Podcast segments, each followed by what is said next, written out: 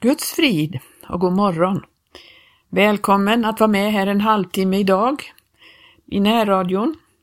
Mitt namn är Gertrud Johansson och idag ska jag läsa sista delen utav den bok som vi har läst ganska många avsnitt eh, ur här i närradion nu. Eh, den heter Vägen till lärjungaskap av en som heter B.H. Klendennen som skrev denna bok. Idag har vi kommit till sista delen utav den boken och vi läser ur ett kapitel som heter Den andliga vägen till lärjungaskap. Och då har han skrivit så här om att eh, vi kommer ett, ett skeende i, Guds, i vårt liv, vårt Guds liv, där vi först upplever att vi känner ganska mycket men så, så kommer vi till en tillstånd där vi inte känner så mycket. Och, och då måste vi lära oss att bli fokuserade på det som är osynligt. Att eh, vara eh, eh, inte be, vara beroende av känslorna utan tro och vandra med Gud trots att man inte känner hela tiden. Och där fortsätter vi på sidan 91. Där står det så här. Denna övergång in i det osynliga, där man ibland inget känner, gör att vi kommer in i ett andligt tillstånd där vi upplever Gud. Det kommer att bli tider av stor glädje och starka känslor, men också tider av stor torka när vi växer till andligen på detta sätt. När vi har seger och är på bergets topp känns det inte angeläget att låta Gud ta itu med saker i våra liv. Det behövs inte. Vi tror att vi är fullkomnade. Men när vi kommer ner från berget och har förlorat känslan av Guds närvaro, då leder oss Gud bort från våra känslor in i det osynligas sfär. Detta kallar vi för torka. I det tillståndet är det mycket troligare att vi blir överrumplade av våra fel och brister än i tider av glädje. Erfarenheter av torka kommer att avlösa varandra. När perioder av torka kommer är det viktigt att vi först prövar våra hjärtan inför Gud. Om vi upptäcker att det finns något i våra liv som Gud inte accepterar behöver vi omvända oss så att den heliga Ande åter kan flöda fritt i våra liv.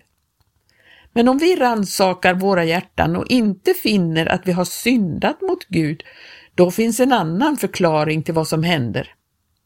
Om du är ärlig i din strävan att komma vidare med Gud kommer han att ta itu med sånt i ditt liv som han inte kan acceptera. Du kommer att möta stora svårigheter och gå igenom smärtsamma erfarenheter. Så fungerar det i våra liv, både kollektivt, i församlingen och i oss som individer. Det handlar om att det som inte hör till den nya skapelsen ska kunna avlägsnas. Det är svårt att dö. Det är smärtsamt att dö. Och vanligtvis jublar vi inte när detta händer. För de flesta av oss i pingströrelsen är det så att när Gud leder oss bort från det känslomässiga stadiet tror vi att vi har glidit bort från Gud. Eftersom vi inte kan peka ut något speciellt problem börjar vi söka orsaker till varför allt har blivit så annorlunda. Vi springer mellan kyrkorna, från evangelist till evangelist för att få ett ord från Gud. Hela Bibeln är full av Guds ord om vi bara tillåter dem att fylla vårt liv. Du vet själv om du har syndat eller inte. Det behöver ingen profetera över dig. Det kommer en tid när du kommer att ha frågor, men ingen kommer att kunna ge dig svar. Varken äktenskapsrådgivaren, psykologen, doktorn eller evangelisten. Allt Gud försöker säga dig är att du finner svaren om du riktar blicken mot det himmelska. Böj dina knän och öva dina andliga sinnen så att du själv kan höra direkt från Gud.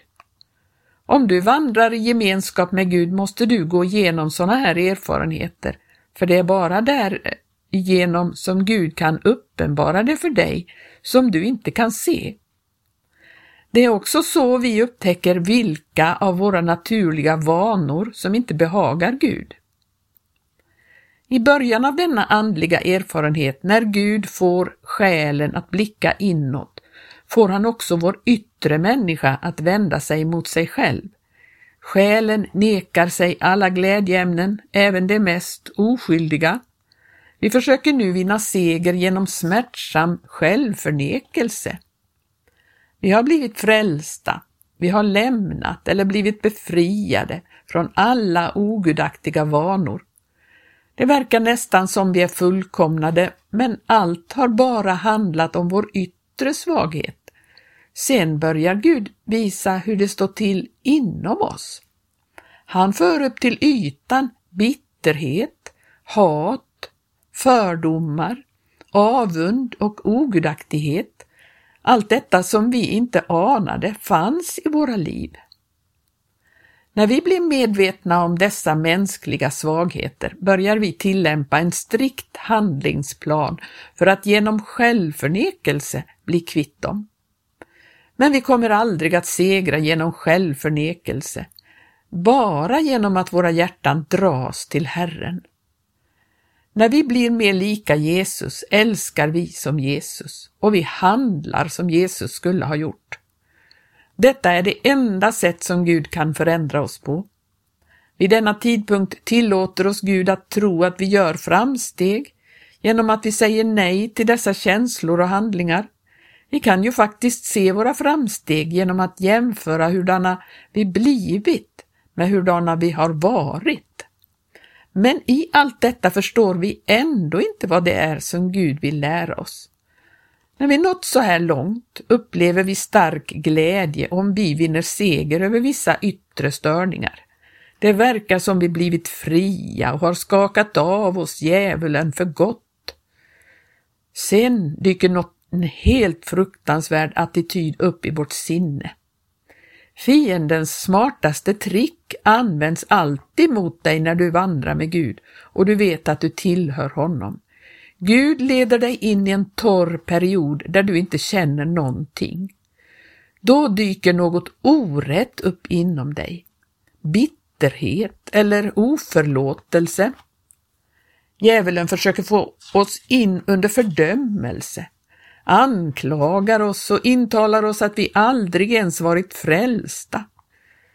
Men vi måste förstå att detta är Guds sätt att föra oss längre fram på lärjungaskapets väg.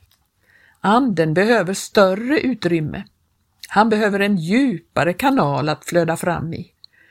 De kanaler som förmedlar den största hjälpen till andra och är mest livgivande är inte grunda. De är djupgrävda. De har utsatts för Guds genomgripande handlande så att Guds andes djupa vattenmassor kan flöda fram.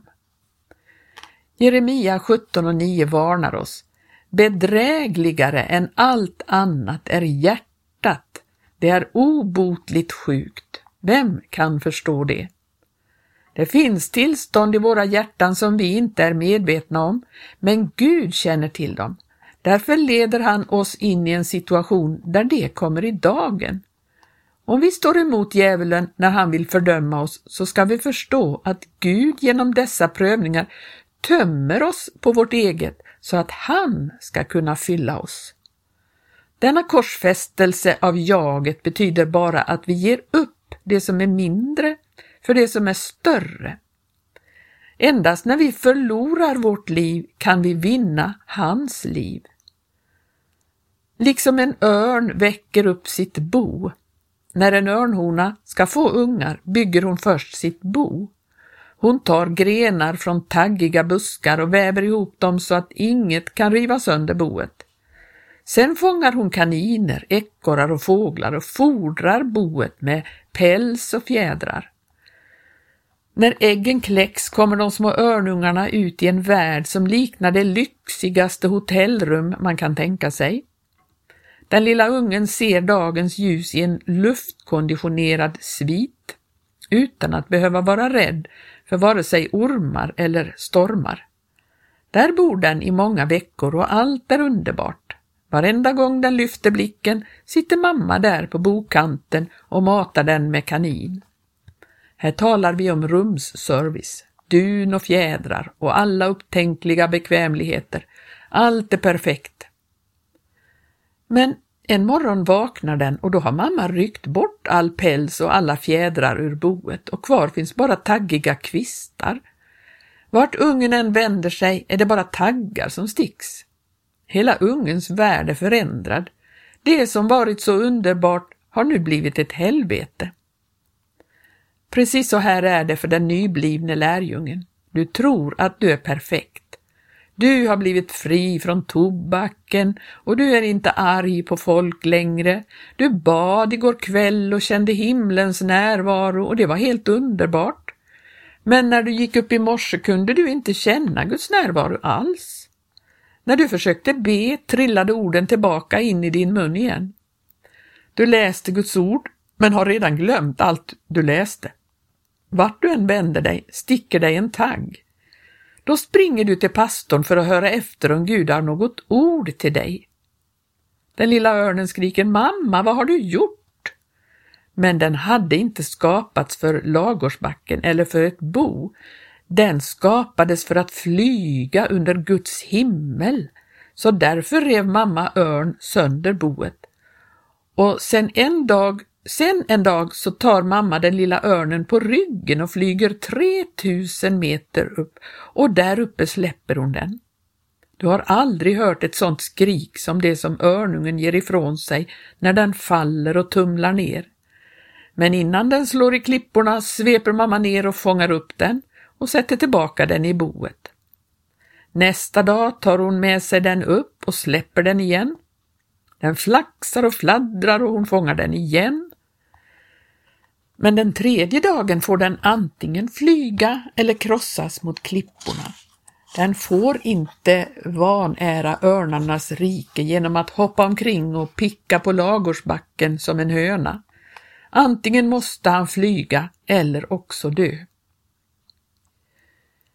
Gud skapade dig inte för att du skulle leva av det du känner, smakar och ser. Det finns en värld som Gud vill att du ska se med trons ögon. Du måste lära dig att det inte spelar någon roll hur mörk natten än är. Du kan ändå resa dig upp och gå. Gud förändrar dig från att vara beroende av känslor genom det som händer dig. Du kommer in i ett andligt tillstånd där Gud blir en verklighet för dig. I detta förvandlingens tredje steg får lärjungen på nytt stora problem med sånt han tidigare hade seger över. De framsteg som Gud tillåtit verkar nu vara som bortblåsta. Det var illa nog när de svagheter du inte kände till dök upp under den torra perioden. Du vann ju seger över dem och trodde att du skulle slippa djävulen i fortsättningen nu kommer svagheterna tillbaka och fienden får dig att känna att all motståndskraft som du tidigare haft nu har försvagats. Du känner det som om Gud har lämnat dig. I samma mån som dina egna ansträngningar läggs ner förminskas din kraft att stå emot. Gud har tidigare låtit dig på ett märkbart sätt övervinna mycket mycket därför att det är bara genom den processen som du kan förstå vad som händer i ditt liv. Gamla testamentet ger oss bilder av vad som sedan sker i Nya testamentet. På samma sätt, utan den gamla, den första erfarenheten, skulle vi aldrig kunna förstå vad som pågår i vårt liv under de här återkommande torrperioderna. Även om du övervann dina tidigare svagheter med hjälp av egen vilja och självförnekelse, så tillåter Gud dem att komma i dagen på nytt för att du ska förstå att din självdisciplin är otillräcklig. Du blir oväntat svag i striden. Detta är en extremt farlig tid för en lärjunge, för han tror att han återigen är på väg att mista Gud. Men i själva verket flyttar Gud lärjungen från en position av självdisciplin där han håller svagheterna i schack med hjälp av sin egen vilja till en position av total förtröstan på Herren. Det är inte jag som vinner seger nu, utan Gud som ger mig seger. När du tillåter Kristus att ta gestalt i dig övervinner du svagheterna och dör ifrån dem. När jag är svag, då är jag stark. Här är det nu Herren själv som gradvis tar själen i besittning. Allt det här kan hjälpa dig att förstå varför du måste gå igenom svårigheter och varför Gud verkar vara så långt borta ibland. Alla sanna yttre framsteg måste förgås av, föregås av verkliga inre framsteg. Du tjänar honom, du älskar honom, du läser hans ord, men ändå blir det torrperioder då det känns som att Gud är tusen mil bort. Om du inte vet vad som händer så kommer fienden att slå på dig och du kanske tvingas bryta loppet eller förblir ett andligt spädbarn som söker någon eller något som kan få dina känslor i svall. Men om du vet vad det är som håller på att hända så håller du fast vid Gud. Då betyder det inget om det känns som om bönerna studsar i taket. Du ber i alla fall, tror i alla fall och står fast med sanningen som ett bälte kring dina höfter. Jag är Guds barn vare sig jag känner det eller inte. Här behövs orubblighet och Gud kommer att visa sig för dig som Herren över allting. Hela mitt liv sedan jag blev kristen har jag velat leva så att det behagar Gud. Jag har inte syndat, druckit mig berusad eller begått äktenskapsbrott, men många av dessa segrar vanns genom egenviljan. Synden fortsätter att vara synd när du själv kämpar för att bli av med den. Alla går igenom en tid när det är kamp att låta bli att synda. Men sen får du uppleva den andliga seger som innebär att begäret inte längre är en del av dig. Det enda du kan göra i dig själv för att hjälpa till är att inte befatta dig med yttre företeelser som tv, tidningar, radio, meningslösa samtal. Om du ger näring åt den gamla människan så får hon liv igen. Själen dör aldrig helt. Den kommer att pendla mellan liv och död längs hela vägen, men du kan själv undvika de fällor som lockar den gamla människan att synda. Det svåraste som finns är att segra denna andra gång. Ty när de har lärt känna vår Herre och Frälsare Jesus Kristus och undkommit världens smitta, men sen åter blir snärjda och besegrade av den, då har det sista blivit värre för dem än det första, står det i Andra Petri brev 2 och 20.